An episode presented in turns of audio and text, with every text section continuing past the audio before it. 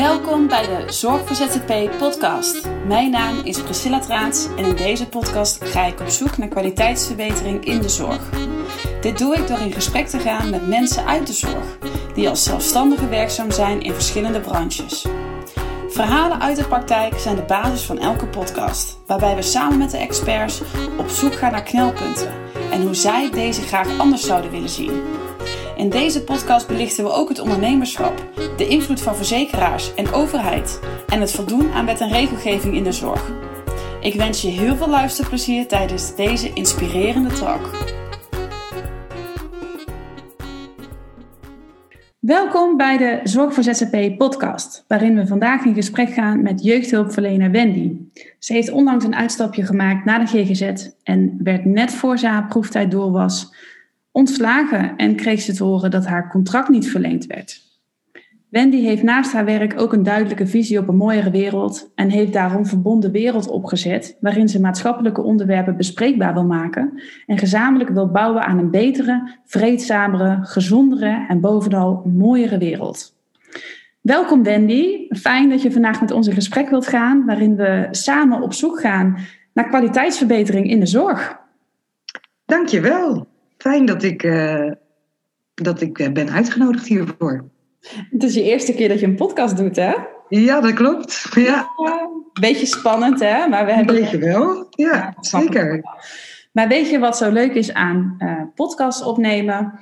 Is dat je, uh, ja, je, je mag gewoon praten over je passie, over je expertise, over je visie. Dus uh, weet je, je, je gooit het op die manier ook de wijde wereld in. En uh, ja, ik, krijg, ik vind het altijd heel erg leuk om, om te doen, omdat je daarmee ook echt wel een stukje ja, waarde geeft aan de mensen die dadelijk gaan luisteren naar deze podcast. Ja, ik hoop dat het van waarde kan zijn. Ja, daar gaan we zeker wel vanuit. Um, nou, voor, voor, ik, ik heb een aantal zaken, hè, bereid ik altijd voor. Um, dus um, nou, laten we gewoon maar beginnen. Ja. Want ik kwam via Instagram terecht bij een video van jou. En in die video mm-hmm. vertel jij dat je ontslagen werd bij de GGZ. Wat is er gebeurd? Nou, ik ben eigenlijk al heel mijn leven werkzaam uh, hè, als jeugdhulpverlener. Dus uh, dat is eigenlijk wel een beetje een andere tak van sport. Uh, maar ik vond het op dat moment interessant dus om, om eens even te kijken wat gebeurt er nou in die GGZ. Hè. Daar verwijs ik dan voorheen bureau jeugdzorg en nu is dat bij de gemeente uh, nou, door. Dus ik uh, was wel geïnteresseerd. En uh, ik kwam daar uh, dus te werk. En ja, ik heb daarin geleerd, in ieder geval vanuit mijn functie als jeugdhulpverlener, dat je wel kritisch moet zijn voordat je diagnosticeert. Hè? Dus ik, mm -hmm. er wordt toch wel veel over gediagnosticeerd. En niet altijd is dat nodig. En uh, dus in die zin heb ik best een kritische blik op, op zaken. Maar ik merkte gewoon wel dat het, uh, dat het wel heel snel over een diagnose ging. Dus uh, daar durfde ik eigenlijk vragen over te stellen. En op een gegeven moment was er een jongen die, eh, die bij ons dan in beeld kwam, waarvan ze eigenlijk al snel over Ritalin voorschrijven begonnen te praten. Oké. Okay. En ik durfde te zeggen, waar de teamleider op dat moment bij was, uh, of we wel voldoende hadden gekeken ook naar zijn voeding. Hè. Het was een wat iets dikkere jongen. -hmm. Nou, je zou kunnen zeggen dat suiker ook een invloed speelt op, op uh, stuitergedrag, om het maar zo te zeggen. Ja. Uh, dus voeding, maar ook het systeem. Hè, tot in hoeverre dat al is gekeken, omdat ik wel vind dat dat echt voorliggend is. Ja. Um, en uh, ja, dat gesprek, dat voelde ik al wel dat dat een beetje, ja, dat, dat, dat, dat gaf een bepaalde energie. En uh, ja, eigenlijk de volgende dag werd dat bevestigd, omdat ik op het matje werd geroepen door die teamleider. En die heeft toen gezegd, uh, ja, het was ook een beetje ongunstig uh, dat gesprek aangegaan, want het was net voor mijn proeftijd, inderdaad, zoals je al zei. Ja. En die zei van, ja, ik heb, ik heb er toch geen vertrouwen in om met jou verder te gaan, omdat je had moeten weten dat je werkt voor een pillenfabriek. Dus ik ben daar wel heel erg van geschrokken. Ik weet wel dat ze dat van tevoren in de sollicitatiegesprek natuurlijk ook wel gezegd hebben. En ik weet ook wel dat de GGZ daar om draait. Maar om te zeggen dat het voor een pillenfabriek... werk, dat, dat, dat was natuurlijk niet, nou, daar ben ik in ieder geval niet ooit hulpverlener voor, voor geworden, om het zo te gaan bezien. Nee. Ja. Maar eh, wat je nou aangeeft, ik wil eigenlijk meteen even inhaken op de, op de bureaucratie die is ontstaan binnen de zorgsystemen. Mhm. Want ehm, ja, we horen dit ook veel uh, in de, bijvoorbeeld de psychiatrie, dat de hoeveelheid administratie, ja, dat eigenlijk compleet niet in, in, in verhouding staat met de behandeltijd. Ehm, maar ook uh, wat je net zegt over het overdiagnosticeren. Hoe heeft het zover ja. kunnen komen, denk je? En, en, ja, en ook misschien wel een stukje kijken naar de toekomst. Hoe, hoe zou dat anders kunnen? Ehm, ja, hoe heeft dat voor, kunnen voorkomen? Ja, in mijn ogen gaat het natuurlijk gewoon om een verdienmodel. Hè? Dus eh, een GGZ uh, die wil verdienen. En uh, aan pillen verdien je. Meer dan aan behandelingen geven. Dus het is interessant om, om, om zo snel mogelijk die pillen voor te schrijven. Hè? Daar, zit, daar, zit, daar zit geld achter. En ik heb daarna inderdaad, na, want ik werkte toen dan, waar ik het net over had, in een vakteam. En ik ben daarna nog even een uitstapje gaan maken in een andere GGZ-instelling, uh, waarbij ik inderdaad die systeemtheorie uh, eigen heb gemaakt en uh, als systeemtherapeut aan de slag ben gegaan. Mhm. En daar merkte ik dat, dat in ieder geval die bril goed was, hè, om, dat, om dat goed uit te pluizen. Maar precies wat jij nu net zegt, daar was het inderdaad ja, waanzin in mijn ogen. Hè. Dus ik moest echt ik moest rapporteren in drie verschillende systemen. één naar Amerika, één naar, uh, voor Nederland dan en één voor de ouders. En dan daarnaast moest ik tijd schrijven omdat ik ook productie moest draaien. En productie draaien moest dus 80% van wat ik deed moest dan declarabel zijn. En dan ook binnen een bepaalde tijdspannen. En dus je mag niet meer dan een uur lang aan een, uh, met een gezin werken. Terwijl ja, ik voelde vaak als ik ergens goed bezig was en ik had net iets te pakken, dat ik dacht, ja, ik wil daar ik wil daar wel uh, meer aandacht aan besteden, hè, want dit komt de kwaliteit ten goede. Maar vervolgens voelde ik ook een beetje de hete adem in mijn nek van ja, maar ja, uh, ik moet die productie halen, anders word je over het matje geroepen. Dus het gaat gewoon, het is een product geworden. Het gaat om productie en het gaat dus om geld. En ik doe hier waarop, waarop ze dat, denk ik, uh, proberen te uh, echt wel een beetje aan te sturen en een beetje meer kracht aan te geven, zodat er meer geld verdiend kan worden. Dat is mijn visie. Mhm. Dat is wel door die controle gewoon heel hoog te houden. Dus ja, dat tijdschrijven voor ieder wissen wat je, wat je doet, is natuurlijk niet per se. Gaat, dat, dat gaat, daar gingen mijn ogen. Uiteindelijk echt 70% van mijn tijd was ik gewoon bezig met rapporteren en 30% met de gezinnen. En dat vind ik dat dat andersom moet. Ja. Ja. Dat, dat, dat, dat is uit verband, dat is doorgeslagen, dat gaat nergens meer over. En, en eh, om eventjes een stap terug te gaan, helemaal naar toen jij koos om in de zorg te gaan werken. Kun je dat, dat moment nog herinneren dat je dacht, ja, dat, dat, is, dat is wat ik wil gaan doen? Ja, ik denk dat een heleboel hulpverleners dat nog uh, weten. En dat heel, heel veel hulpverleners daar ook uh, ja, Neem ons mee terug naar die tijd. Wat, wat, want je, misschien zat je nog wel op school, dat je een opleiding moest kiezen, dat je dacht, wat was voor jou de reden dat jij koos om anderen te gaan helpen? Nou, dat is denk ik, uh, wat ik net probeerde te zeggen, is inderdaad dat, dat de meeste van ons natuurlijk idealistisch zijn. Je wil de wereld verbeteren, je wil helpen, je wil bijdragen aan een mooiere wereld. En vervolgens kom je toch wel een beetje bedrogen uit, want ja, je hebt met systemen te maken. Dus deels kan je dat wel en deels ja, zul je ook gewoon je moeten schikken aan de systemen die er zijn. En toen ik begon, ik, ik ben uh, 43, dus ik ga al een tijdje mee, er was daar in het begin nog wel veel meer ruimte voor. De, bureaucratie was lang niet zo erg als nu. Maar het wordt alleen maar meer. En, en heel veel hulpverleners hebben daar last van. Ja. Komen niet meer goed uit de verf. Want ja, we zijn niet gemaakt om uh, bureaucratisch alleen nog maar te rapporteren. We willen graag met de handen in de klei. Maar er is weinig minder ruimte voor dan eerst. Ja. Ja. En ehm, ehm, niet alleen hè, de, de, papierwerk, dus dat je ook zegt van nou, ik ben 70% bezig met rapporteren en ik heb nog maar 30% over om echt, echt tijd aan die gezinnen te, te besteden. Dat ja, dat was in de GGZ hoor. Dat is nu niet in mijn huidige functie, maar in de GGZ is dat ik vind de GGZ daarin echt het doorgeslagen model. Ja. En toch, eh, veel gezinnen krijgen te maken met de GGZ. En, en, en, gaan hè, ervaren dit ook. Ehm, maar wat je ook net noemde van het overdiagnosticeren, waar, waar komt dat vandaan? Want, want eh, ik, ik ga even een, een sprongetje vooruit maken, want wat mij heel erg triggerde in jouw video die ik zag, was dat jij heel erg sprak over de talenten die komen kijken bij bepaalde jongeren die op dit moment een diagnose krijgen. En, en ehm, ehm, ja, ik wil eventjes een, een inleiding daarvan ook maken, want ja, onze modern, ik noem ze altijd onze modern ontwikkelde kinderen, dus de kinderen van nu. Die mhm. hebben steeds meer moeite om zich aan te passen aan het schoolsysteem. En, en jij zei het net ook al, weet je, wij willen niet in het, we passen niet meer in het systeem. We zijn te, te krachtig, te sterk, te, we willen te veel. En dat systeem, dat, dat benauwt ons. En, en ik zie het ook bij de modern ontwikkelde kinderen binnen schoolsystemen, waar toch de basis voor je toekomst deels gelegd wordt. En uh, vroeger, en in mijn ouders tijd, was de school echt wel een autoriteit. En ja, kreeg je ook wel fikse straf als je buiten de lijntjes kleurde. En het, het fysieke heeft naar mijn ervaring veel meer plaats gemaakt voor het mentale aspect.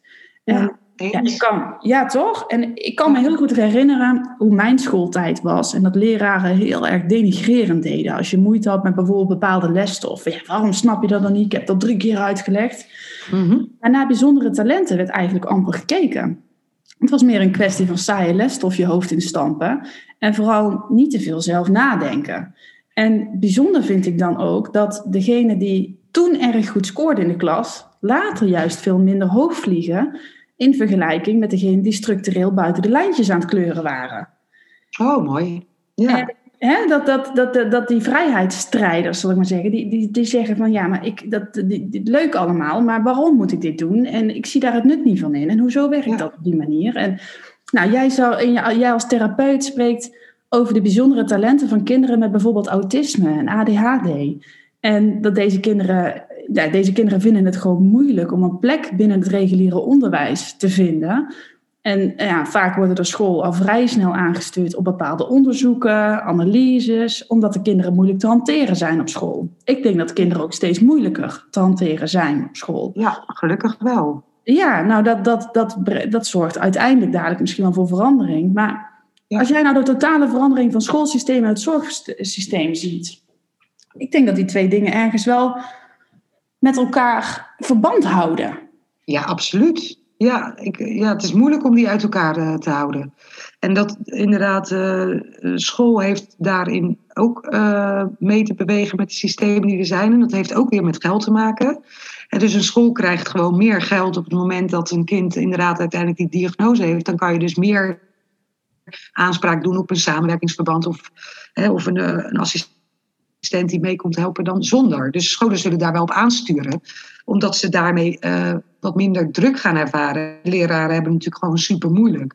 Ja. 28 kinderen in een klas is gewoon ook niet te doen. Daar kunnen we het ook over hebben. Ja, ik moet hè, maar in de tussentijd hè, de, de, hebben we natuurlijk. Uh, steeds meer kinderen die inderdaad een diagnose hebben. En als ik kijk dan naar mijn klas van vorig jaar van mijn zoon. Mijn oudste zoon heeft ook kenmerken inderdaad van uh, eh, ADHD en uh, dan wel autisme.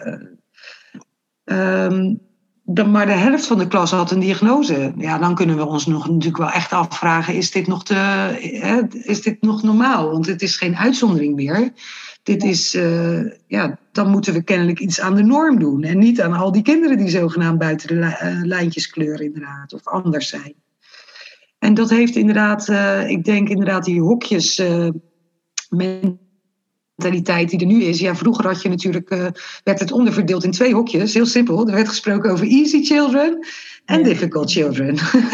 en ah. tegenwoordig gaan we dat steeds meer proberen te vangen in allerlei diagnoses. Ja, en we weten daar de helft niet van. Hè? PDD-NOS is zo'n voorbeeld van uh, per pervasive uh, disorder, not otherwise specified. Hè? Dus, dus het is een soort vergaarbakje van, van, van, ehm, ja, van Alles kinderen. Wat dan, ja.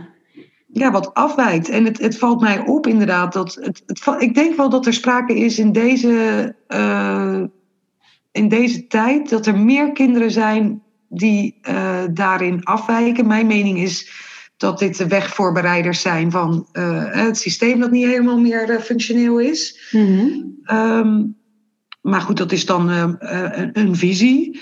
Um, maar ja, ik vind het wel opvallend dat de lijntjes steeds nauwer lijken te worden. Hè? Ja. Dus, en we kunnen het ook hebben over hoe het dan anders kan in ehm, in, in scholen, waardoor deze kinderen wel tot hun recht komen. En, en, en ik ben van mening dat we nog steeds in een schoolsysteem zitten, wat is voortgekomen uit die industriële revolutie, waarin mensen inderdaad conformistisch moesten zijn, ja. volgzame arbeiders moesten worden. en ja, de wereld tegenwoordig heeft niet per se nog meer volgzame mensen nodig, maar wel creatieve, oplossingsgerichte mensen. En daarvan zou je kunnen zeggen, nou ja, je kan ADHD zeggen als uh, dat, is, uh, dat is ingewikkeld, maar het zijn, uh, want ze zijn wat, wat minder geconcentreerd, ze hebben wat meer energie, maar ze zijn ook fantastisch in associatief denken. Dus als je dat er nou uithaalt, ja. Dan zou je dit soort mensen heel goed een functie kunnen geven voor echt gewoon out-of-your-box uh, oplossingen. Hè, om maar een voorbeeld te geven. Of inderdaad, autisme zou je kunnen zeggen. Uh, dat zet ze op een goede plek en het worden experts. Want zij weten op één gebied veel meer dan dat. Het gaat meer over de verbanden die in de hersenen niet goed zijn aangelegd. Mm nou, dat zou je kunnen zeggen als stoornis, maar dat zou je ook kunnen zeggen: oké, maken we daar gebruik van? Dan, dan, dan maken we daar dus de experts eh, van. Want ik zit er niet op te wachten op één, op één gebied alles te weten. Gelukkig zijn die mensen daar, snap je? Ja, je hebt natuurlijk verschillende soorten uh, capaciteiten. En de ene, dat zijn de, de, de alwetende, of meer de, de, de generalisten, zoals uh, Juist, ja. Maar wat je ook zegt, mensen met autistische kenmerken uh, ik denk dat heel veel mensen die op die hele geniale uh, ontwikkelingen hebben doorgemaakt, dat die een bepaalde vorm van autisme misschien wel hebben. Absoluut, ja, dat zou kunnen. En is dat dan een stoornis of is dat een gave? Dat is dan de vraag. Nou, ik vraag het ook wel. Um, ik, ik, ik, ben ook wel, uh, als we wat dieper ingaan op die moderne ziektebeelden, hè, waar veel jongeren toch wel mee te maken krijgen. Want ik hoor overigens bijna nooit volwassenen over deze ziektebeelden. Het is, wel heel veel jongeren, maar ik, in mijn omgeving, ik kom weinig volwassenen tegen die zeggen, ja, ik heb ADHD, of ja, misschien heb ik het wel of niet. Of ja, dat het meer eh, van, ja, nou, ik ben gewoon wie ik ben. Um, waar komen die ziektebeelden um, eigenlijk vandaan? En uh, wat zijn nou bijvoorbeeld de specifieke kenmerken, wat je net ook zei? En um, uh, wat doet het eigenlijk met jongeren als je tegen ze zegt dat wat ze, ja, wat, wat, wie ze zijn, dat dat een ziektebeeld is of iets is wat niet klopt. Wat doet dat met, met iemand? Nou ja, dat, dat lijkt me niet gunstig voor iemands ontwikkeling. Dat hij op die manier een stempel erbij krijgt. Hè? Je hebt niet alleen een naam, je heet niet alleen Pietje, maar je hebt ook ADHD. En in de, in de, in, hè, hoe het is opgesteld, is dat een diagnose na drie jaar komt te vervallen. Ja. Maar in de praktijk blijkt natuurlijk dat je die stempel natuurlijk voor eeuwig bijhoudt. Dus ik zou zeggen van, uh, nou, eh, ik wil het ook niet uh, helemaal wegzetten als onzin. Hè. In sommige gevallen is het natuurlijk echt wel handig dat je medicatie daarvoor zou krijgen. Maar in mijn ogen zou het dan een manier zijn om eventjes te leren van, oké, zo voelt het dus om het te concentreren. En daarna die medicatie gelijk af te bouwen, zodat het, zodat het je gaat dienen in plaats van je verder gaat onderdrukken in wie jij bent. Maar kan het ehm, bijvoorbeeld ook zo zijn dat iemand met ADHD, jij, wat, hè, uh, jij geeft net ook aan, dat zijn mensen die hebben gewoon over het algemeen veel meer energie. Ze zijn hele creatieve denkers. Dus creatieve denkers hebben vaak ook veel prikkels die ze uh, moeten verwerken. Dus de overprikkeling ligt misschien ook wel sneller op de loer. Um, ik zit ook even ja. te denken, ze hebben meer energie. Um, ik, ik, tuurlijk, ik, uh, ik doe ook heel veel onderzoek naar, naar dingen, naar, ook naar gezondheidsverbetering. En er zijn heel veel volwassenen moe.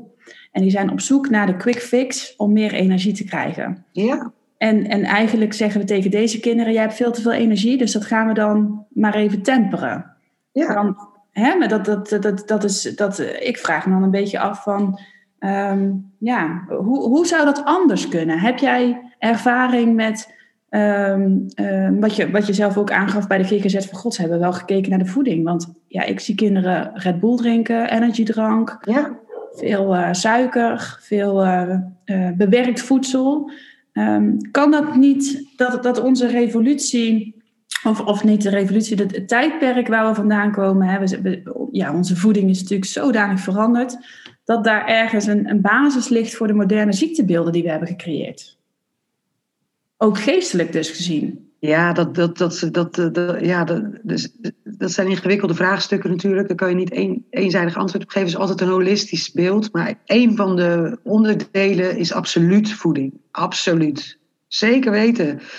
Dus, dus je kan je afvragen, dat zou de basis kunnen zijn. Hè? Ga eens even heel erg goed op voeding letten. En, er zijn ook veel kinderen met allergieën. Misschien komt het voort uit allergieën.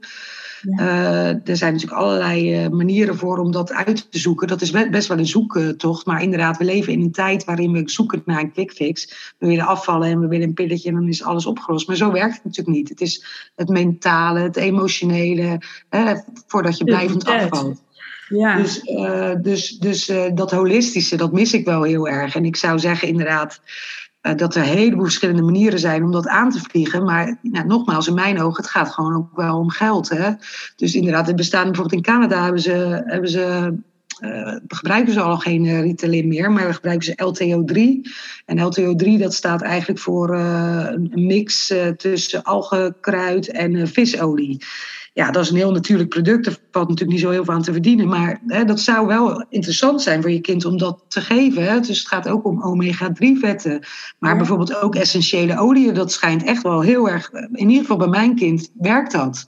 Maar ja, dat wordt dan allemaal afgedaan als. Ja, dat is allemaal een beetje gek. En uh, dat, dat moeten we niet uh, willen.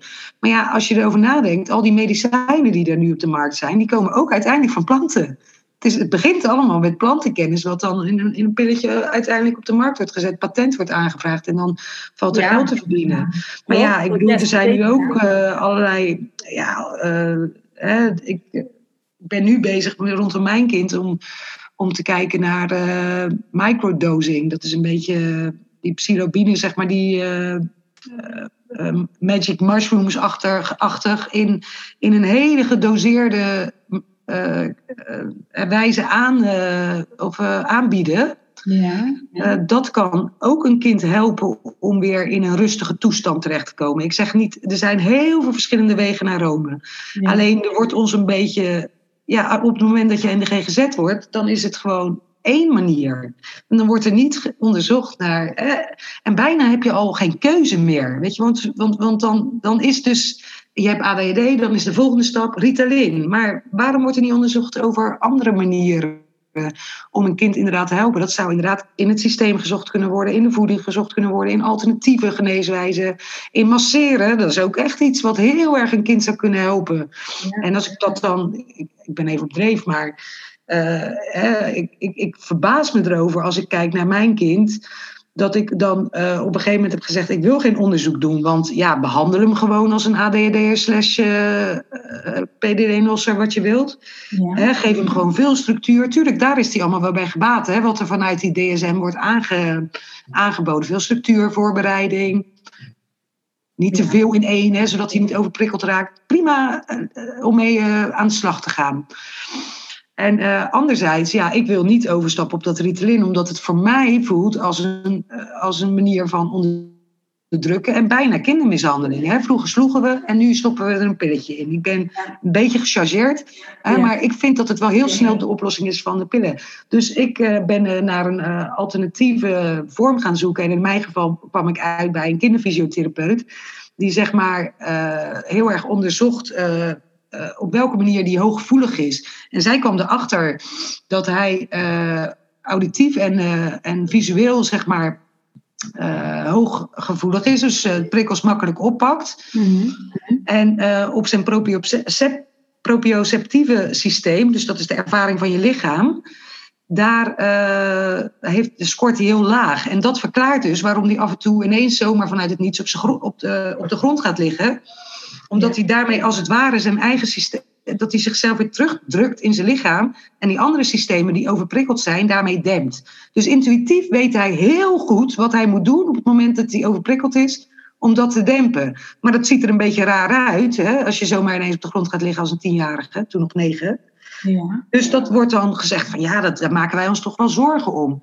Dus nou ja, uiteindelijk kwam uit dat onderzoek, uh, heeft die kinderfysiotherapeut aangereikt, zo van hij zou gebaat kunnen zijn bij een drukvest. En dat vond ik nou een mooie manier van, oké, zo kunnen we er ook. Dus iedere keer als hij zich moet concentreren, doen we hem even een drukvest aan. Ja. En dat zou hem kunnen helpen om weer terug in zijn lichaam te komen. Nou, we zijn er nog steeds op aan het wachten. He, dat is dan een jaar verder. Dus dan, dan komen we nog steeds met gesprekken bij ons in. We maken ons nog steeds zorgen. Mhm. Dus er kan wel heel veel gepraat worden. Maar er is geen materiaal. Want er is maar één vest over de hele regio dat vind ik heel zorgwekkend. Dan denk ik, ja, wat, wat, willen we nu eigenlijk? Hè? Ja, dat. Ehm, ik denk wel dat het, ja, het, het, als het hem zou helpen, ja, ik weet niet of die fabrikant dat, dat je die rechtstreeks zou kunnen benaderen, maar dat is natuurlijk, ja, dat is lastig. Ehm, maar ik zit ook eventjes te denken, um, er wordt heel veel gesproken over overprikkeling. En, mhm. en ik, ik, ik, bekijk ook heel erg veel naar natuurlijk hoe wij ons als volwassenen hebben ontwikkeld nadat we klaar waren met school. Hè? Want uiteindelijk um, het, het, het, schoolleven eindigt en dan ga je nog steeds heel veel leren. En misschien dat je daarna die ontwikkeling, dat het nog wel ja, je basis leg je op school, maar daarna ga je, ga je zelf nog verder. En ik merk zelf, um, ik zou, uh, ik heb wat dat betreft heel veel respect voor de juffrouw die voor de klas staat. Want ik zou absoluut, absoluut die nadoen. Want ik ben na vijf minuten volledig overprikkeld. Ja, ik ook. Uh, ja, dus ik heb het wel eens. Uh, ik vraag ook altijd aan mijn zoontje, die is vijf. En ik mediteer samen met mijn zoontje voordat hij naar bed gaat. En dan mag hij ja, van mij. Super. Ja. ja, dan mag hij. Want ik, ik vind het uh, heel belangrijk voor de toekomst dat zij opgroeien met dat het normaal is om te mediteren. Het is heel normaal om je hoofd even tot rust te brengen. Het is heel normaal eigenlijk in ons leven dat je, um, dat je even op de bank gaat liggen als je hebt hard gelopen en je bent lichamelijk even moe. Dan ga je even zitten of liggen. Maar mm -hmm. er wordt nooit gesproken over hoe dat je die hersenen die de hele dag bezig zijn en de hele dag allerlei prikkels te verwerken hebben, hoe dat we die ook kunnen uh, de rust kunnen geven die ze nodig hebben. Want de hoeveelheid prikkels die wij overdag te verwerken krijgen, die kunnen wij s'nachts helemaal niet meer um, allemaal verwerken. En um, um, dus, dus wat ik heb gedaan, is ik ga elke avond, ik maak het ook echt leuk, ik doe het ook samen met hem. Hij mag zelf het plaatje uitkiezen wat hij dan leuk vindt. Nou, hij vindt het heel vaak leuk, de tovenaar, om te luisteren. En in het begin was het dat hij heel erg onrustig werd. Van, hè, en dan wilde hij kijken, wat gebeurt er?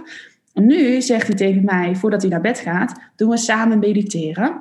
En dan denk ik, oh, zie je, hij, hij merkt dat hij het fijn vindt. Hij zegt, want dan kan ik ja. goed slapen. Wat goed. Dus je merkt dat een kind van vijf gewoon eigenlijk niet weet wat hij aan het doen is. Hij, um, het, is, het is een minuutje van vier tot acht minuten is het. Dus hij mag zelf luisteren wat hij wil. Want tegenwoordig is het zelfs zo, en dat is al na drie weken het effect geweest. Hè?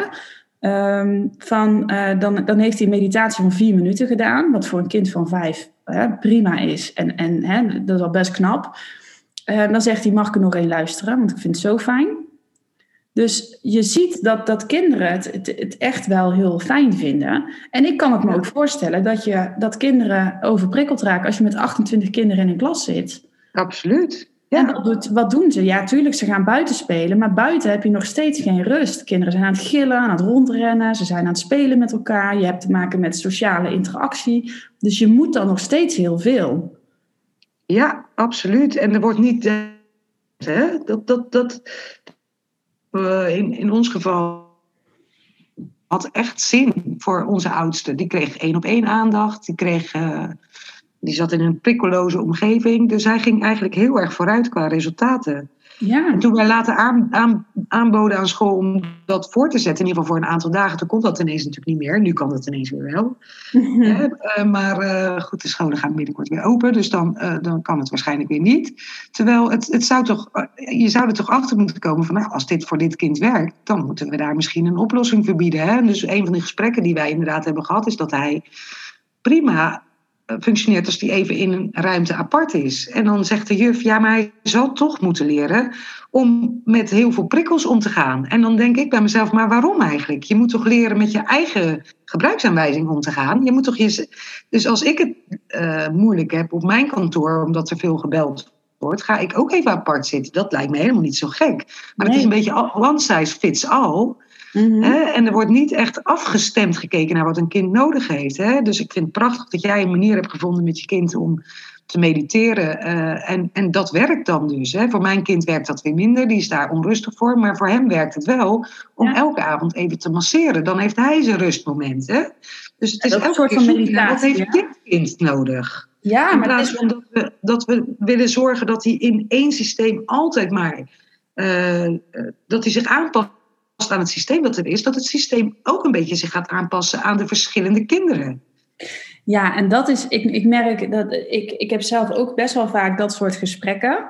Um, omdat uh, bijvoorbeeld, uh, je moet een kind ook wel motiveren om bepaalde dingen te doen. En toen, en weet je, bijvoorbeeld, uh, dan, dan moeten ze met z'n allen in de kring zitten. Dan zijn er, nou, weet je, zitten ze al te grappen met elkaar.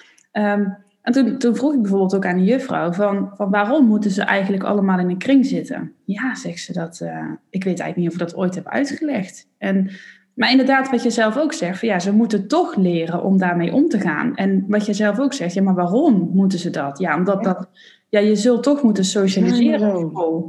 En misschien is dat, hè, het is best wel goed dat je menselijk contact leert te maken. Um, hè, dat je weet hoe je met elkaar moet omgaan. En, en ik denk dat dat ook best wel, dat het op school, um, ja, dat je, dat je daar best wel weerbaar van wordt. En dat je leert hoe je met anderen moet omgaan. En wat je wel fijn vindt Tuurlijk. en fijn vindt. Ja. Tuurlijk. Maar inderdaad, wat je zelf ook zegt, kinderen hebben tegenwoordig ook te maken met een iPad. En uh, even op de telefoon kijken. En of toch, uh, toch een keer buiten spelen. Of dat het, de, de klassen zijn heel druk. En, en kinderen, daar wordt ook veel van verlangd. Um, en dan zijn er ook nog eens allerlei ziektebeelden, waardoor ze, ja, meteen nou, nou dat ik dit uitspreek, um, denk ik ook van, weet je, wij, wij voeren dit gesprek om, om eens te kijken, om een open benadering te, te hebben richting bepaalde ziektebeelden bij jongeren. Uh, nou, ja. Jij bent zelf een jeugdhulpverlener en je, en je hebt daar zelf veel ervaring mee, ook met je eigen kinderen. Um, ik, wil het absoluut niet afdoen als zijnde het is nonsens, want, want dat is wel een beetje wat, wat, wat mensen vaak uh, meteen het, het denken van, ja, maar mijn kind heeft daar wel echt heel veel last van. Ja, dat Hè, dat geloof ik ook meteen. Dus, dus, sommige kinderen zijn echt onhandelbaar. Um, Absoluut. En, en dan hebben ze wel baat bij die Ritalin gehad. Um, en ik denk dat, hè, dat, dat zei jij ook, van ja, sommige kinderen hebben het wel even tijdelijk nodig. Um, alleen uh, uh, er, er, wordt niet echt dan daarna nog gekeken van, ja, wat, is, wat heeft hij dan nog meer nodig om goed te kunnen functioneren? Ja, het kan een prima middel zijn hoor, inderdaad, het, laat dat voorop staan. Ja, je vertelde eerder dat je ja, ontslagen bent bij de GGZ-instelling, omdat je daar graag uh, wilde kijken ook naar de mogelijkheden voor onder andere systeemtherapie en ja, voeding en andere opties, voordat er overgestapt wordt op Ritalin. Um, kun je wat meer vertellen over ja, hoe systeemtherapie werkt en, en wat dat voor jongeren zou kunnen ja, betekenen? Ja, nou, systeemtherapie is, uh, is natuurlijk wel hot and happening, ook, ook in de GGZ hoor. Dus dat is echt een gunstige ontwikkeling, vind ik. Ja. Maar uh, ja, systeemtherapie gaat veel meer over uh, hoe je kan afstemmen op een ander. Hè? Dus uh, ja, hè, dus wat je, wat je vaak ziet is, uh, is dat een jongere dan bestempeld wordt als ongehoorzaam. Mm-hmm. hij houdt zich niet aan de regels. En eigenlijk wil je dan in eerste instantie onder die ijsberg kijken en begrijpen dat een jongere onafhankelijk wil worden. Die autonomiedrang is heel groot. Ja.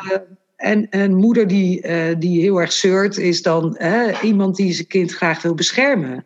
Dus, uh, dus in eerste instantie wil je het allemaal wat beter gaan begrijpen. Dat je ook de nobele intenties ziet van mensen. Hè. Dus soms zie je wat je ziet, is niet altijd uh, wat, wat eronder ligt is anders dan wat je ziet, zeg maar. En dus je gaat het heel erg begrijpen en dan probeer je ook de afstemming te vinden. Hè? Dus, dus ik heb nu een vader die ik uh, begeleid, dat is een uh, schat van een man. Die doet zijn uiterste best om gewoon zijn kinderen veilig te stellen. Hè?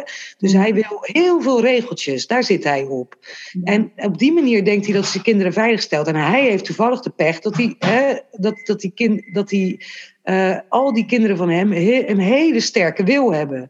Dus wat hij doet is op zich niet slecht. Alleen voor deze kinderen werkt het niet. Het landt niet.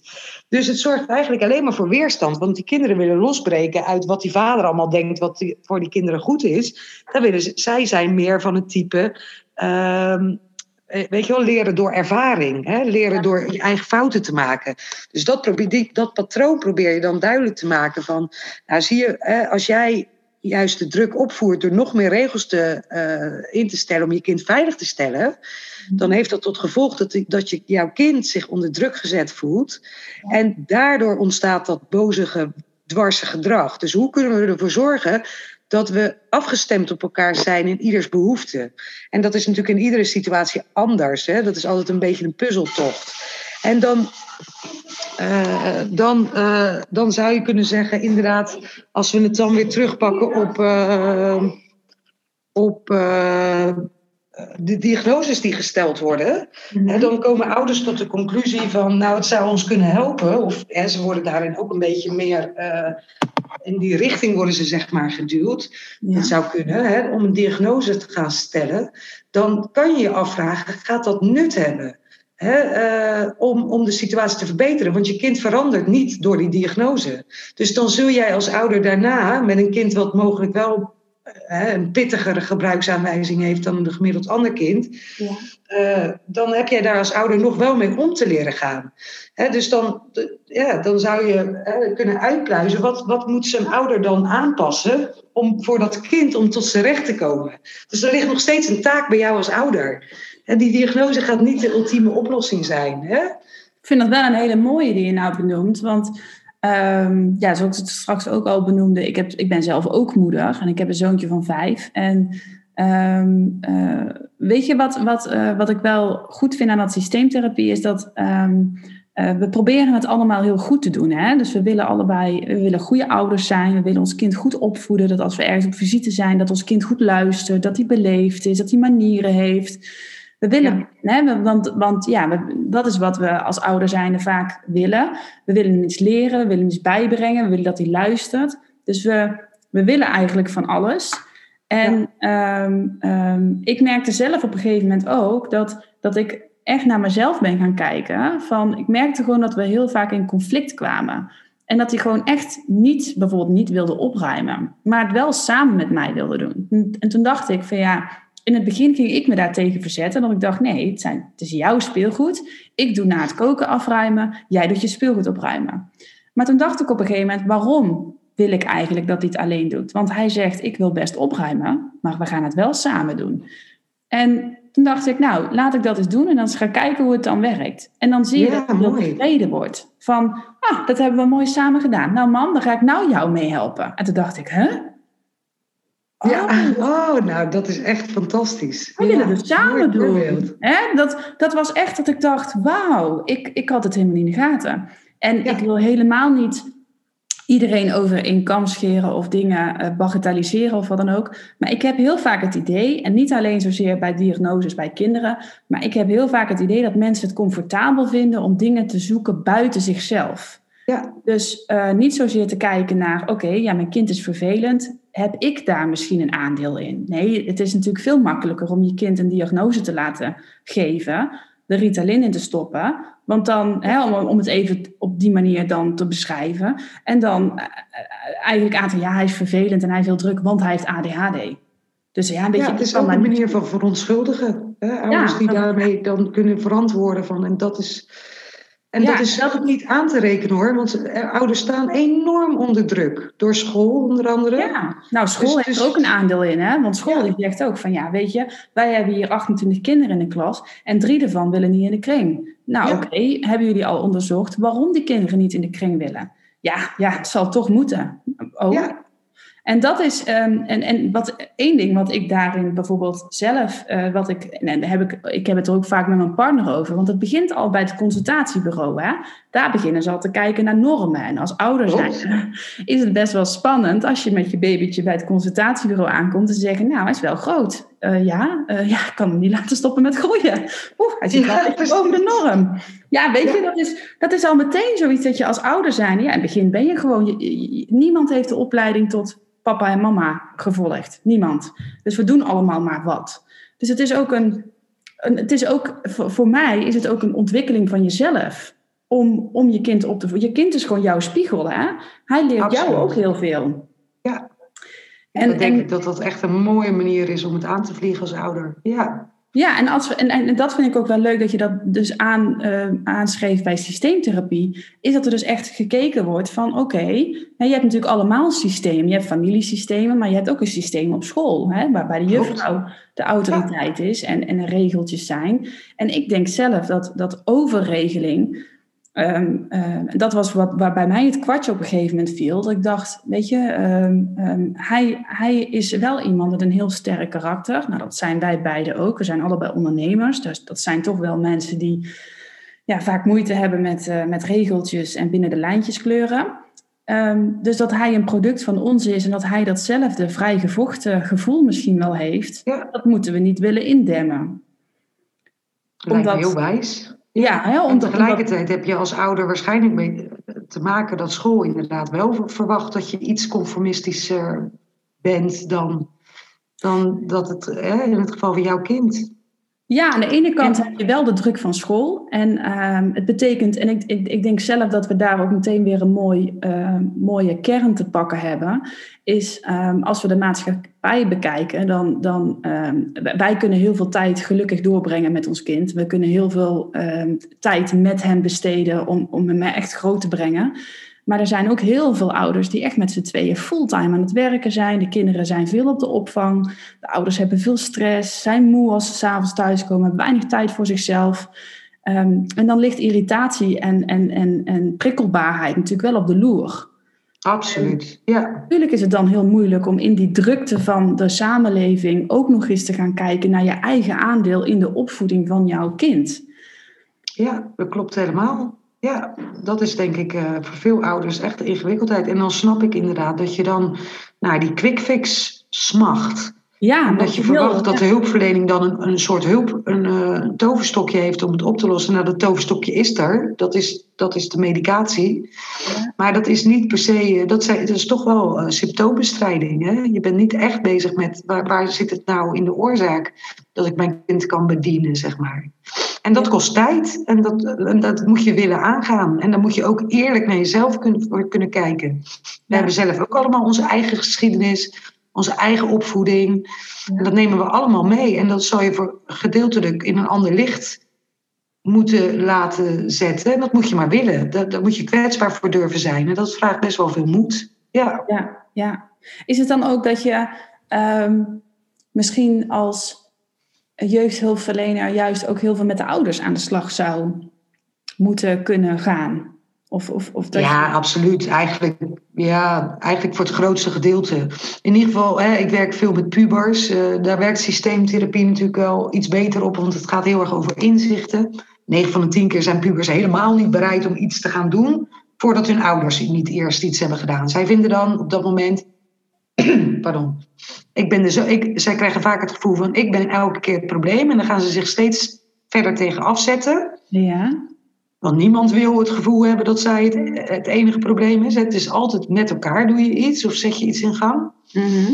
Dus zij vinden op dat moment van ja, laat mijn ouders maar eerst komen. En dat is ook wel mijn uitgangspunt. maar Want ook vind, ja, wij knap. voeden onze kinderen op, niet andersom, weet je? Ja, ja, maar dat is eigenlijk heel goed dat ze dat dus vanuit hun eigen natuur of een eigen ding hebben bepaald. Van ja, Ja. nou komen jullie maar eens in beweging, want ik heb eh, Ja. al een hele hoop gedaan en nou mogen jullie.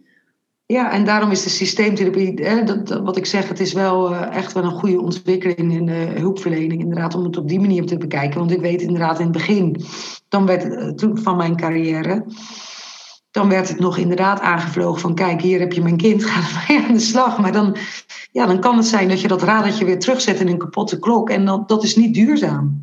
Dan heeft dat kind op dat moment even steun van een van een eh, therapeut. Hè. Als het even mee zit, of een hulpverlener, als het even mee zit, dan is hij heel betrokken, maar hij gaat er wel weer uit. Dus ja, als, dat, als het niet wordt geborgd in het systeem zelf, dan, dan is het niet duurzaam. Nee, nee. En ik denk, ja, de andere kant, eh, waarop ik denk dat de hulpverlening echt wel kan, meer kan verbeteren, is inderdaad, we vliegen het dan ook wel steeds, als het gaat om de benadering naar de kinderen, dan is het steeds dat zij rationeel iets moeten begrijpen. Maar kinderen zijn, ja, ik, het, het- in mijn ogen gaat het eh, opbouwend. Hè? Een kind wordt eerst onafhankelijk in zijn lijf, dus hij leert lopen. Mhm. En hij leert eh, weet je, zijn drinken te pakken en zelf te eten en dat soort dingen. En daarna is het eigenlijk sociaal-emotionele ontwikkeling. Dat is eigenlijk in mijn ogen wat de hele basisschool de grootste aandacht op maar zou moeten liggen. Sociaal Hoe emotioneel. ga je nu met elkaar om? Eh, eh, wat voel je nu eigenlijk? Waar liggen je grenzen, et cetera? Ja, Maar wat doen we? We doen een enorm appel op dat cognitieve stuk. Dat is helemaal niet echt ontwikkeld. Dat komt pas later. Dus het zou hè, heel, heel goed zijn als een hulpverlener. Hè, ik, ben, ik zelf ben daar dan. Ik heb daar een master voor gedaan als psychomotorisch therapeut. Hè, waarbij je inderdaad echt dat spelende wijs.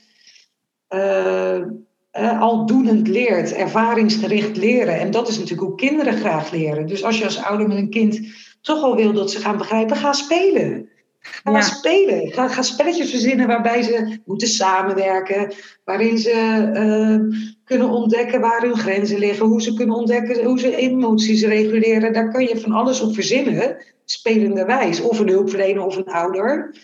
Anders dan alleen maar te praten. Want een kind die, die, raakt af, die, die haakt af. Ja. En zo leren kinderen niet. En dat is wel wat, wat we op school en in de hulpverlening eigenlijk een beetje te veel van onze kinderen, jongeren verwachten. Ja, ze zijn natuurlijk ook super intuïtief, hè? Want, want ja, als, je, als, je, als een kind geboren wordt, hij weet ergens dat hij moet gaan lopen. En dat, dat kun je hem niet vertellen, dat gebeurt. Dat hoef je hem niet eens te leren. Op een gegeven moment wordt is een soort unlock. Hè? En dan uh, komen er bepaalde vaardigheden vrij, zou je kunnen zeggen. Ja. Ja. Um, ja. Ik uh, wil ook eventjes met je hebben over bijvoorbeeld... Je, je, je, hebt met bijvoorbeeld de verbonden wereld iets heel moois opgezet, vind ik. Waarbij je ja, eigenlijk samen voor een betere wereld pleit. En als ik even mijn ideaal beeld deel... dan zou ik echt een verbinding vanuit de holistische benadering willen zien. Dus ja. in, in, Nederland is daar bijvoorbeeld al een eerste school voor opgezet. En dat is opgericht uh, vanuit het principe van de Green School uit Bali... En uh, dan wordt er met kids echt regelmatig de natuur in gegaan. Kinderen geleerd om met emoties om te gaan en ja, deze ook te ontwikkelen. En veel meer gericht op de ontwikkeling van het kind. Dus echt met alle kennis die er wereldwijd is, in plaats van vanuit systemen bedacht. Ja, um, ja we hebben het er net natuurlijk al een beetje over gehad. Hoe, dat, hoe kijk jij hier tegenaan? Ja, ik, ik kan niet wachten. Ja, ja. ja. ja dat, is, ja. dat is wat we willen. Ja, ik, wat ik, ik, ik denk dat het eerder ter sprake is gekomen dat ik denk dat het huidige schoolsysteem nog steeds uh, is gebaseerd op die industriële revolutie. Ja. En dat diende toen, hè, dat dat zo zijn doel. Maar de vraag is, is dat in de huidige tijd nog wel wat we willen? Met kinderen die in mijn ogen meer bewuster zijn.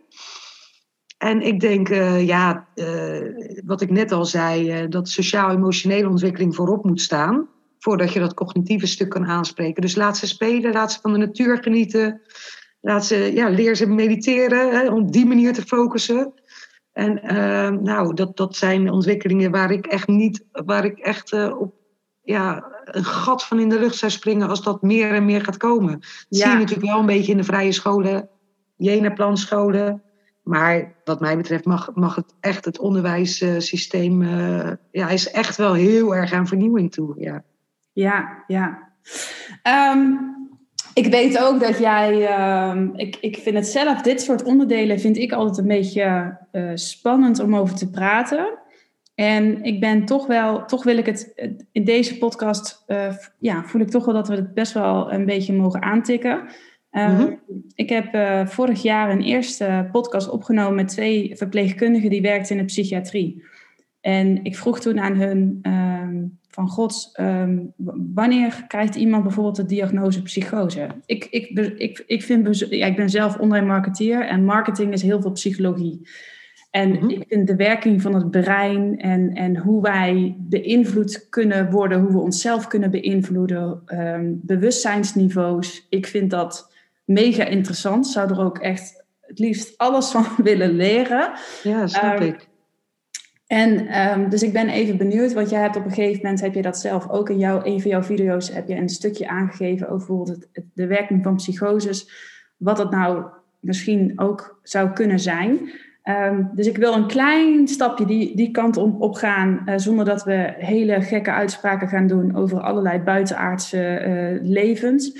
Um, maar um, ja, samen voor een mooiere en vrijere wereld. En, en dan gaan we ja, misschien ook wel natuurlijk buiten de geëikte paarden. Hè? Dus dat is ook wat ik nou wil gaan doen. Ja. ja, ik heb me altijd bijzonder geïnteresseerd in de werking ja, van het brein. En dat, dat kwam toen zelf heel toen ik met een burn-out thuis kwam te zitten. Ik wilde mm-hmm. begrijpen wat er in mijn brein gebeurde, zodat ik op zoek kon gaan naar passende oplossingen. En ja, ik heb het jou al verteld, maar geloof me, ik had een burn-out, dus ik was volledig overprikkeld. Mijn zenuwstelsel was gewoon, ja, ik, ik kon niet eens sokken meer aan mijn voeten hebben. Zo, zo erg was het. En er mhm. werd mij voorgesteld om antidepressiva te slikken, terwijl mijn brein gewoon volledig overbelast was. Nou, overigens ben ik ervan overtuigd dat je brein aanstuurt op een disbalans, juist om je in beweging te krijgen. Nou, ik ben zelf toen neurofeedback trainingen gaan doen. En dan wordt er middels een EEG-scan gekeken naar de werking van je brein en de communicatielijnen. En ehm, in die tijd luisterde ik ook vaak naar podcasts van Michael Pilagic. En er was op een gegeven moment een podcast waarin hij vertelt als kind meegenomen te zijn door een ruimteschip. Ja. En, uh, als kind werd hij vaak afgedaan als gek en hij besloot er gewoon niet langer over te praten. En nu is hij in de 50 en nu durft hij dat dus eerlijk te vertellen. Ehm, het is een hele succesvolle ondernemer. Ehm, hij, is, uh, hij noemt zichzelf levenskunstenaar. Hij heeft jaarlijks heel veel mensen die naar zijn seminars komen. Ehm, en, maar als je met dit verhaal jezelf meldt op de crisisdienst, dan zal er hoogstwaarschijnlijk uitkomen dat je psychotisch bent. En dan zul je medicatie krijgen. Ja. En er is in mij wel eens iets geweest dat ik nieuwsgierig werd naar de psychoses, omdat mensen uh, de verbinding met de werkelijkheid missen en geen normale denkpatronen meer hebben. Dat is eigenlijk wat de, ja, wat de psychiatrie omschrijft als zijnde, ja, dan ben je dus psychotisch. Ja. ja. Kan het zo zijn dat er mensen zijn die meer contact hebben met andere vormen van bewustzijn dan dat wij kennen? Ja, als je het aan mij vraagt wel. Ik bedoel, dat is ook weer, het gaat ook weer om die norm. Hè? Dus wat is normaal? Wie bepaalt de norm? Ja. En dat de lijntjes wel erg nauw worden. En, en we zien het ook op paranormale gaven. Ja, er zijn een legio kinderen. En ik ken ze natuurlijk, uh, ik heb ze genoeg uh, mogen leren kennen. Mm -hmm. Die dit soort uh, paranormale gaven hebben. En dat wordt afgedaan als gek. En op dat moment leren die kinderen, oh, dus ik ben anders. Dus het mag niet zijn wat het is. Maar wie zegt dat er geen andere dimensies bestaan? Ja, we, als, we, als we nu weten dat wat wij zien qua kleuren ook maar een beperkt kleurenspectrum is, dat kunnen we wel bedenken. Mm-hmm. Maar dan kunnen we niet bedenken dat mogelijk onze manier van uh, waarnemen ook beperkt is. Hè? Dus onze bewustzijn wellicht ook verruimd zou kunnen zijn. En ja, ik weet ja. toevallig dat er in bepaalde culturen daar gewoon anders mee om wordt gegaan. Ik eh, eh, in bepaalde culturen wordt bedacht dat als iemand dit soort ervaringen heeft, dan is, die, dan is het mogelijk. Uh, uh, dan zijn het mogelijke gaven die aangeven dat iemand een sjamaan zou kunnen worden, om maar te zeggen. Dus dat is een manier van hoe een cultuur daarmee om kan gaan. Hè? En als zo iemand goed begeleid wordt, dan kan die uh, zijn talenten, want je zou kunnen zeggen dat is een talent, want een ander heeft dit niet. Ja.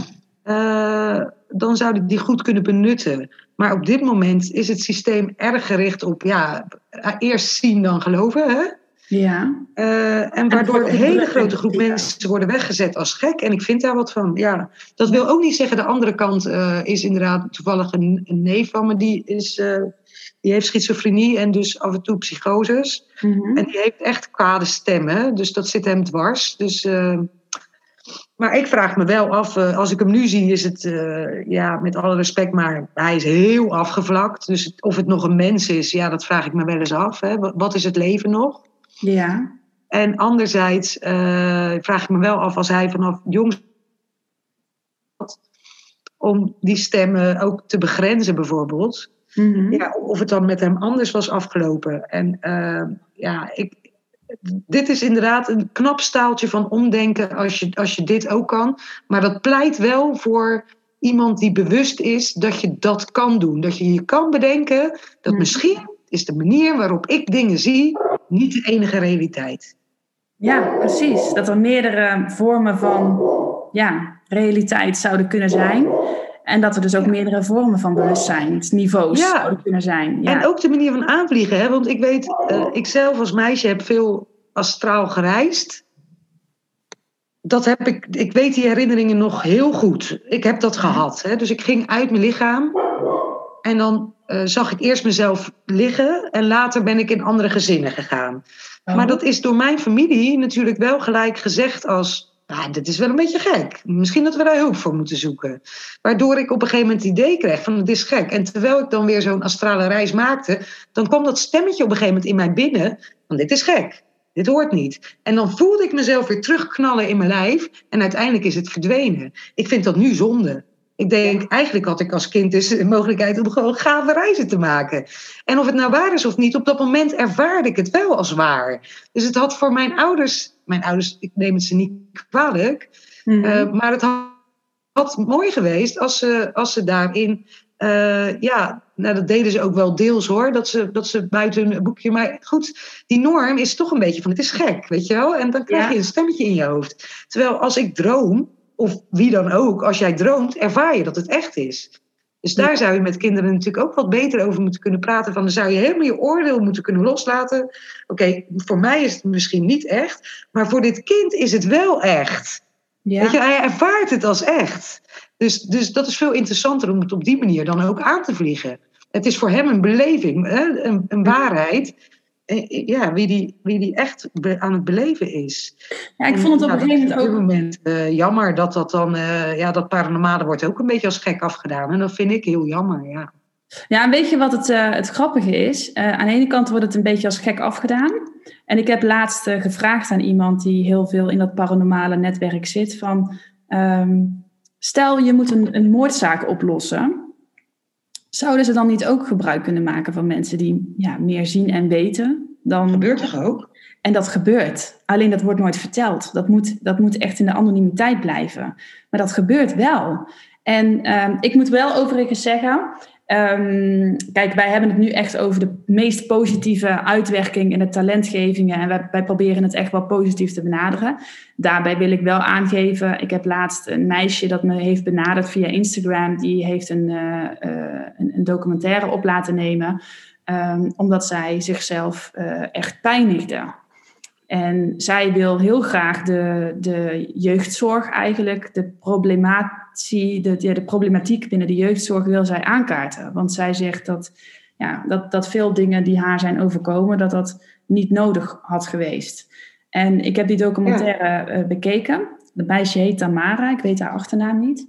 En ik vond het een hele mhm. heftige documentaire, want er werd echt uh, op een gegeven moment het meisje dat pijnigde zichzelf. En ik denk dan bij mezelf, oké, als jij jezelf lichamelijke pijn toe, toebrengt, dan is er een gevoelskwestie die jij wil onderdrukken. Want de pijn die, die jij lichamelijk voelt, die moet eigenlijk overheersen van hetgeen wat jij binnenin voelt. Um, ja, klopt. Volgens mij hoef je daar niet voor gestudeerd te hebben. Dat kunnen we allemaal best wel bedenken. Um, ja. Dan heb je op een gegeven moment, uh, dat zag ik in die documentaire ook, dat ze, en, en ik zeg niet dat het goed of fout is, hè, want we hebben allemaal we zitten in een systeem, maar ik ben wel aan het kijken naar de toekomst. Hè, van wat, het is kwaliteitsverbetering in de zorg. Dus hè, we, we, zijn aan het kijken van wat zijn mogelijkheden. Daarom ga ik ook in gesprek met mhm. experts. Van, op een gegeven moment werd er een contract opgesteld... wat ze allemaal niet meer mocht doen om zichzelf te pijnigen. En toen dacht ik, oké, dat begrijp ik... want ze willen niet dat het meisje zichzelf iets aandoet. Hè, want ze werd op een gevaar voor zichzelf. Dus ik begrijp dat contract. Toen kwam er een, na drie weken kwam er een, een terugkomst. En uh, toen, toen vroegen ze hoe is het gegaan? Lukt het je om de regels uh, te, te, te, hanteren? Toen zei dat meisje, ja, ik heb de regels niet doorbroken, maar ik wil wel eerlijk zijn. Um, ik mocht geen laxeermiddelen meer gebruiken. Dus wat ik heb gedaan, is ik heb laxeer thee gekocht. En die ben ik zo ontzettend veel gaan drinken, dat ik daar uiteindelijk ziek van werd en ik altijd nog het laxerende effect had. En toen dacht ik, oké, dus dit meisje voelt zo'n enorme interne pijn, die, die is zij lichamelijk aan het compenseren. En dat is uiteindelijk de hele tijd dus aan het, ja, ze hebben haar de hele tijd onderdrukt.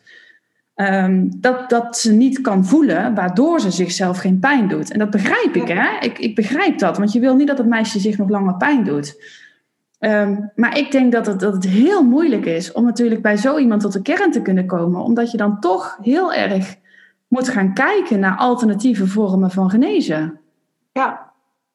En dat past denk ik niet in het systeem waar wij nu in zitten. Daar is weinig ruimte voor, want het is niet wetenschappelijk, medisch wetenschappelijk onderbouwd. Ehm, en dan past het al snel niet meer in, in zo'n systeem. Ja.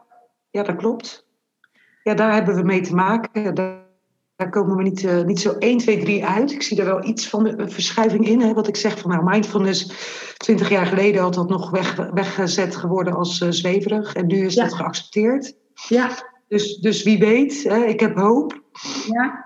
Nou, ik denk uh, ja, je ziet nog steeds ja, inderdaad systeem.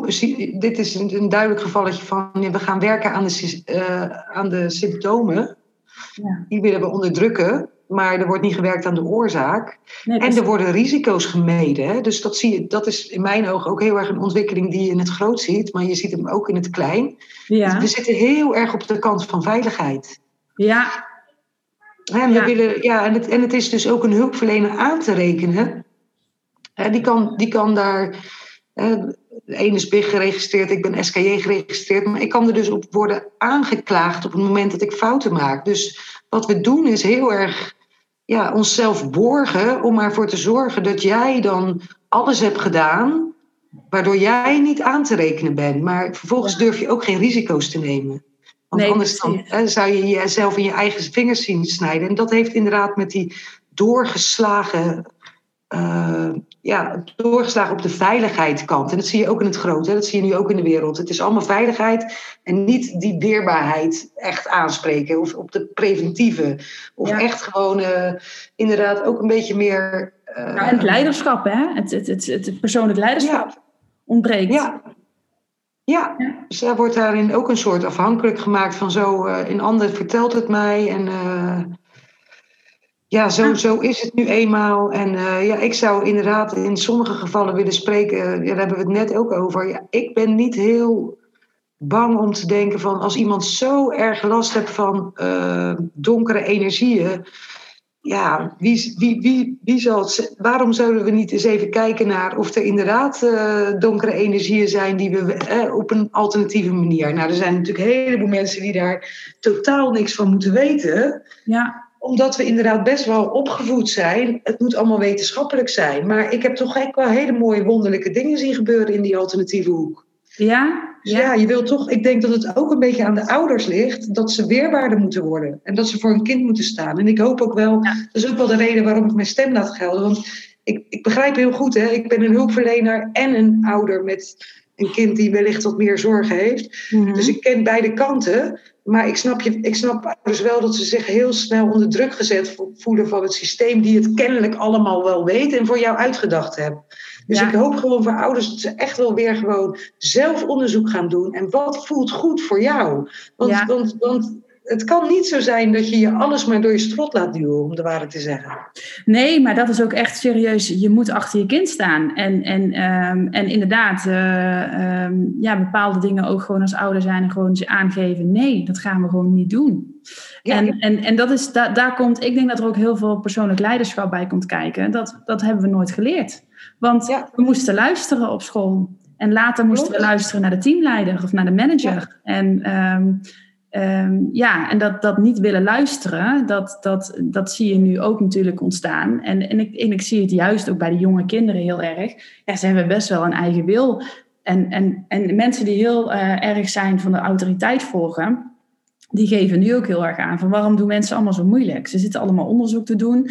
Uh, weet je, luister gewoon naar wat er verteld wordt. En ja, wat een ander weet, wat een ander toch voor gestudeerd heeft. Maar we zijn ja. vergeten dat we ook enorm kunnen varen op die intuïtie. En ja. een moeder, geloof me, die weet gewoon goed wat goed is voor haar kind. En ik weet binnen het systeem waarin ik werk, de dominante moeders, die krijgen meer voor elkaar. Dus wees gewoon een beetje dominanter.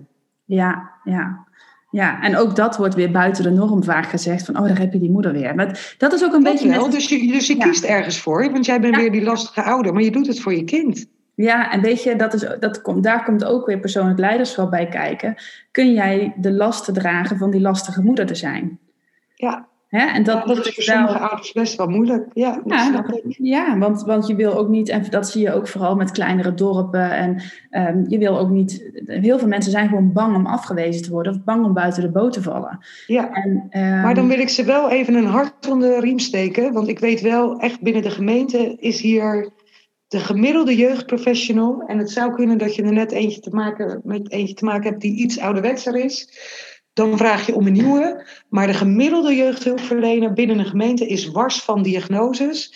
Die wil absoluut meedenken en die, en die stelt de vraag van, van een ouder echt centraal. En, als, als, en die wil ook meewerken om met school het gesprek aangaan. Om die scholen een beetje, uh, een beetje uh, eh, daarin te sturen. Dus ik zou zeggen van vertrouw erop dat er echt wel meegedacht wordt. Ja. Hè? Maar je moet wel je stem geven. Je moet wel je stem geven. Ja. En dat is ook jouw, want jij hebt op dit moment ben je betrokken bij een pilot, waarin je, ja, wat je zelf ook zegt, volledig vrij kan denken bij de gemeente.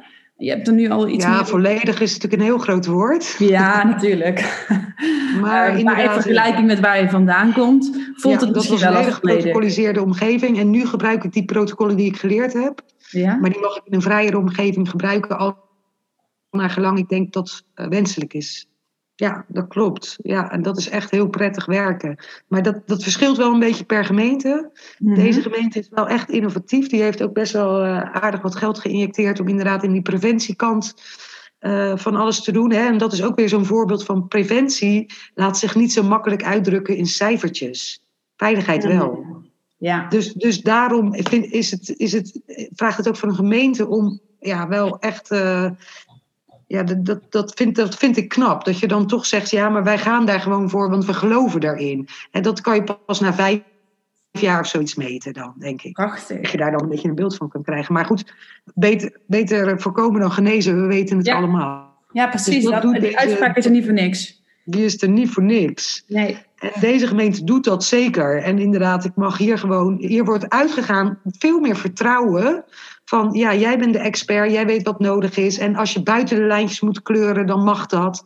Dat verschilt inderdaad wel per gemeente, maar dat zie je wel steeds meer gebeuren. Oh, dus ik ben wel enthousiast over de, over de ontwikkelingen binnen gemeentes. Ja, Waar, waarin iets meer openheid is. En die ook wel een beetje wars zijn van, de, van die logge, logge GGZ-instellingen. Uh, waarbij, waarbij zo'n GGZ-instelling toch een beetje in een torentje zit, alsof zij het allemaal beter weten. En ook niet meer de samenwerking aangaan. Sommige mm. GGZ-instellingen overigens wel. Maar bij ons in de omgeving is er eentje, ik ga het niet bij naam noemen, maar die is zo log als een mammoetanker op zee.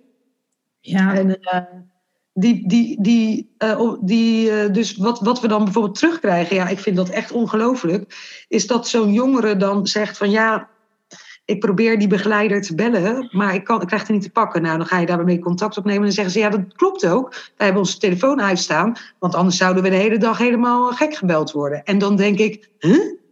Maar daar was je, dat is toch jouw werk? Dat je beschikbaar moet zijn voor mensen die het wat eh, nodig hebben. En als je het allemaal niet kan, zorg dan dat je de samenwerking aangaat met iemand anders die het wel kan. Maar je neemt alles aan, je neemt het in eigen handen. En je zorgt vervolgens dat er ja, een belangrijk aspect buiten, uh, buiten werking wordt gesteld, namelijk relatie. En we weten inmiddels heel goed dat welke methodiek je ook toepast, welk uh, geprotocoliseerde geborgd systeem of behandelsysteem je ook uh, mee gaat werken, het is relatie staat voor open. Dat schijnt echt 80% te zijn. Als jij een goede relatie met iemand hebt, dan, en, iemand, en jij bent iemand anders echt gaan begrijpen en op waarde gaan inschatten, dan laat die andere zich pas wat vertellen. Want laten mensen zich niet zo makkelijk iets vertellen en terecht. Maar dat is ook vrij logisch, want het heeft ook te maken met vertrouwen en met een, met een ja, verbinding. Ja. Ehm, als laatste wil ik aan je vragen: hoe zou jij kwaliteitsverbetering in de zorg, ehm, ja, hoe zou jij dat zien? En um, ja, waar kunnen we bijvoorbeeld beginnen om samen het systeem stukje bij beetje te verbeteren? Uh, ja, dat is natuurlijk wel een hele lastige. Dat vind ik wel een lastige vraag. Mag dat vrij ik denk, denken. Hier ik mag vrij denken, inderdaad. Ik hoop, ik hoop dat het meer worden. Dat laat ik dat voor opstellen. Dat, dat we meer gaan inzien. Dat we door gaan krijgen dat de systemen zoals die nu zijn... voor een flink gedeelte met geld te maken hebben. Ja. Dat dus de zorg ook net zo goed een product is geworden. En dat we weer teruggaan naar, oké, de kwaliteit. Uh, uh, dus uh, ik hoop dat het steeds holistischer wordt. waarbij ouders wat meer voor het zeggen hebben. En ook dus alternatieve kennis of manieren van aanvliegen daarin meegenomen kunnen worden. Dat daar geld voor vrijgemaakt kan worden. Ik zie dat niet zo 1, 2, 3 gebeuren. Um, of dat ouders dat zelf gaan bekostigen. Ja, dat de zorg. dus dat was mijn volgende ding. Dat de, oh. het, gaat, het, gaat, altijd om marktwerking. Als ouders zeggen, zeggen van ja, maar voor ons werkt dit wel. Dan is het wel jammer, want ze zullen daarin moeten investeren. Maar uiteindelijk gaat het doorwerken. Ja, ik, ik doe dat zelf ook hoor. Wij hebben uh, ik, doe, ik doe echt wel de alternatieve zaken, die doe ik gewoon zelf. En die bekostig ik dan gewoon zelf. Want uh, daarmee heb ik ook mijn eigen uh, zaakjes in handen. En heb je ook leiding over je eigen keuzes, omdat je het zelf bekostigt. Ja, dat klopt. Dus dat, dat zijn wel mooie ontwikkelingen. Ik zie wel steeds meer ouders die dat, daarvoor kiezen. Maar dat moet natuurlijk ook maar net in je portemonnee in te passen zijn. Ja, ja, dat ja ik, zou ik zou in ieder geval, wat ik echt hoop, is dat we, je ziet steeds een beweging van centraliseren naar decentraliseren. Ja. Ik hoop echt daarin uh, dat, dat we weer meer kleiner gaan worden. Dus ik zie wel dat hoe kleiner het is, uh, hoe beter het werkt. Dus zo'n logge GGZ-instelling, daar wil je als ouder echt niet zijn, want dan ben je dus gewoon een nummertje. Dat is, eh, sorry dat ik het zeg, maar ik ervaar dat echt zo. En ik hoor het ook van iedereen terug. Uh, dus zoek de kleinere praktijkjes op die nog oog hebben. Ja. En, uh, ja, en dat zie je natuurlijk op zich. Dat zie je natuurlijk op zich wel het steeds meer terugkomen in de gemeente. Dat is in ieder geval de bedoeling. En dat gaat zich steeds meer verder uitrollen. Is dat we meer gaan samenwerken. En dat we gewoon uh, ja, ja, over elkaar gaan opzoeken. En niet meer dat hele eilandjes gebeuren van, uh, ja, deze is nu voor mij, maar dat het echt weer om de kwaliteit gaat. Dat, uh, ja. dat hoop ik. Ja, en ik zie het ook wel gebeuren. Het heeft Wat tijd mooi. nodig. Ja, zeker, zeker. Nou, volgens mij hebben we echt uh, veel besproken. Um, ik denk dat het ook een mooi moment is om de podcast af te ronden. Um, ik, uh, het zijn mooie inzichten geweest. Ik wil je heel erg bedanken voor al jouw input en jouw openheid. Want we zijn natuurlijk in deze podcast op zoek naar kwaliteitsverbetering in de zorg. En dat betekent dus ook dat we buiten de gebanen paden denken en dat ook durven uit te spreken, wat, wat, uh, ja, wat niet altijd makkelijk is. Dus iedereen die ik spreek in de podcast, die bedank ik ook altijd heel erg voor hun ja, vrij, vrij spreken. Dankjewel. Dankjewel dat ik erbij mag zijn en uh, dat ik hier uh, een bijdrage aan mag leveren. Super leuk om te doen. Ja, ik vond het echt heel erg leuk. Nou, ik wil ook iedereen die geluisterd heeft naar deze podcast heel erg bedanken. Ik hoop dat je um, nou ja, tot mooie inzichten bent gekomen. En um, nou ja, mochten er mensen zijn waarbij je denkt, nou, die moeten deze podcast ook luisteren. Um, nou, stuur hem vooral door. En voor nu heel erg bedankt voor het luisteren en tot de volgende podcast. Bedankt voor het luisteren naar de Zorg voor ZZP podcast. Dit was de podcast voor deze week. Ik vond het super leuk dat jij erbij was. De komende week staat er weer een nieuwe podcast voor je online met daarin uiteraard weer een nieuw en inspirerend verhaal. Mocht je het leuk vinden, dan vind ik het natuurlijk heel erg fijn als je deze podcast wil delen met de mensen om jou heen die net als jij werkzaam zijn in de zorg, ondernemer zijn en continu op zoek zijn naar groei en verbetering. Tot de volgende keer.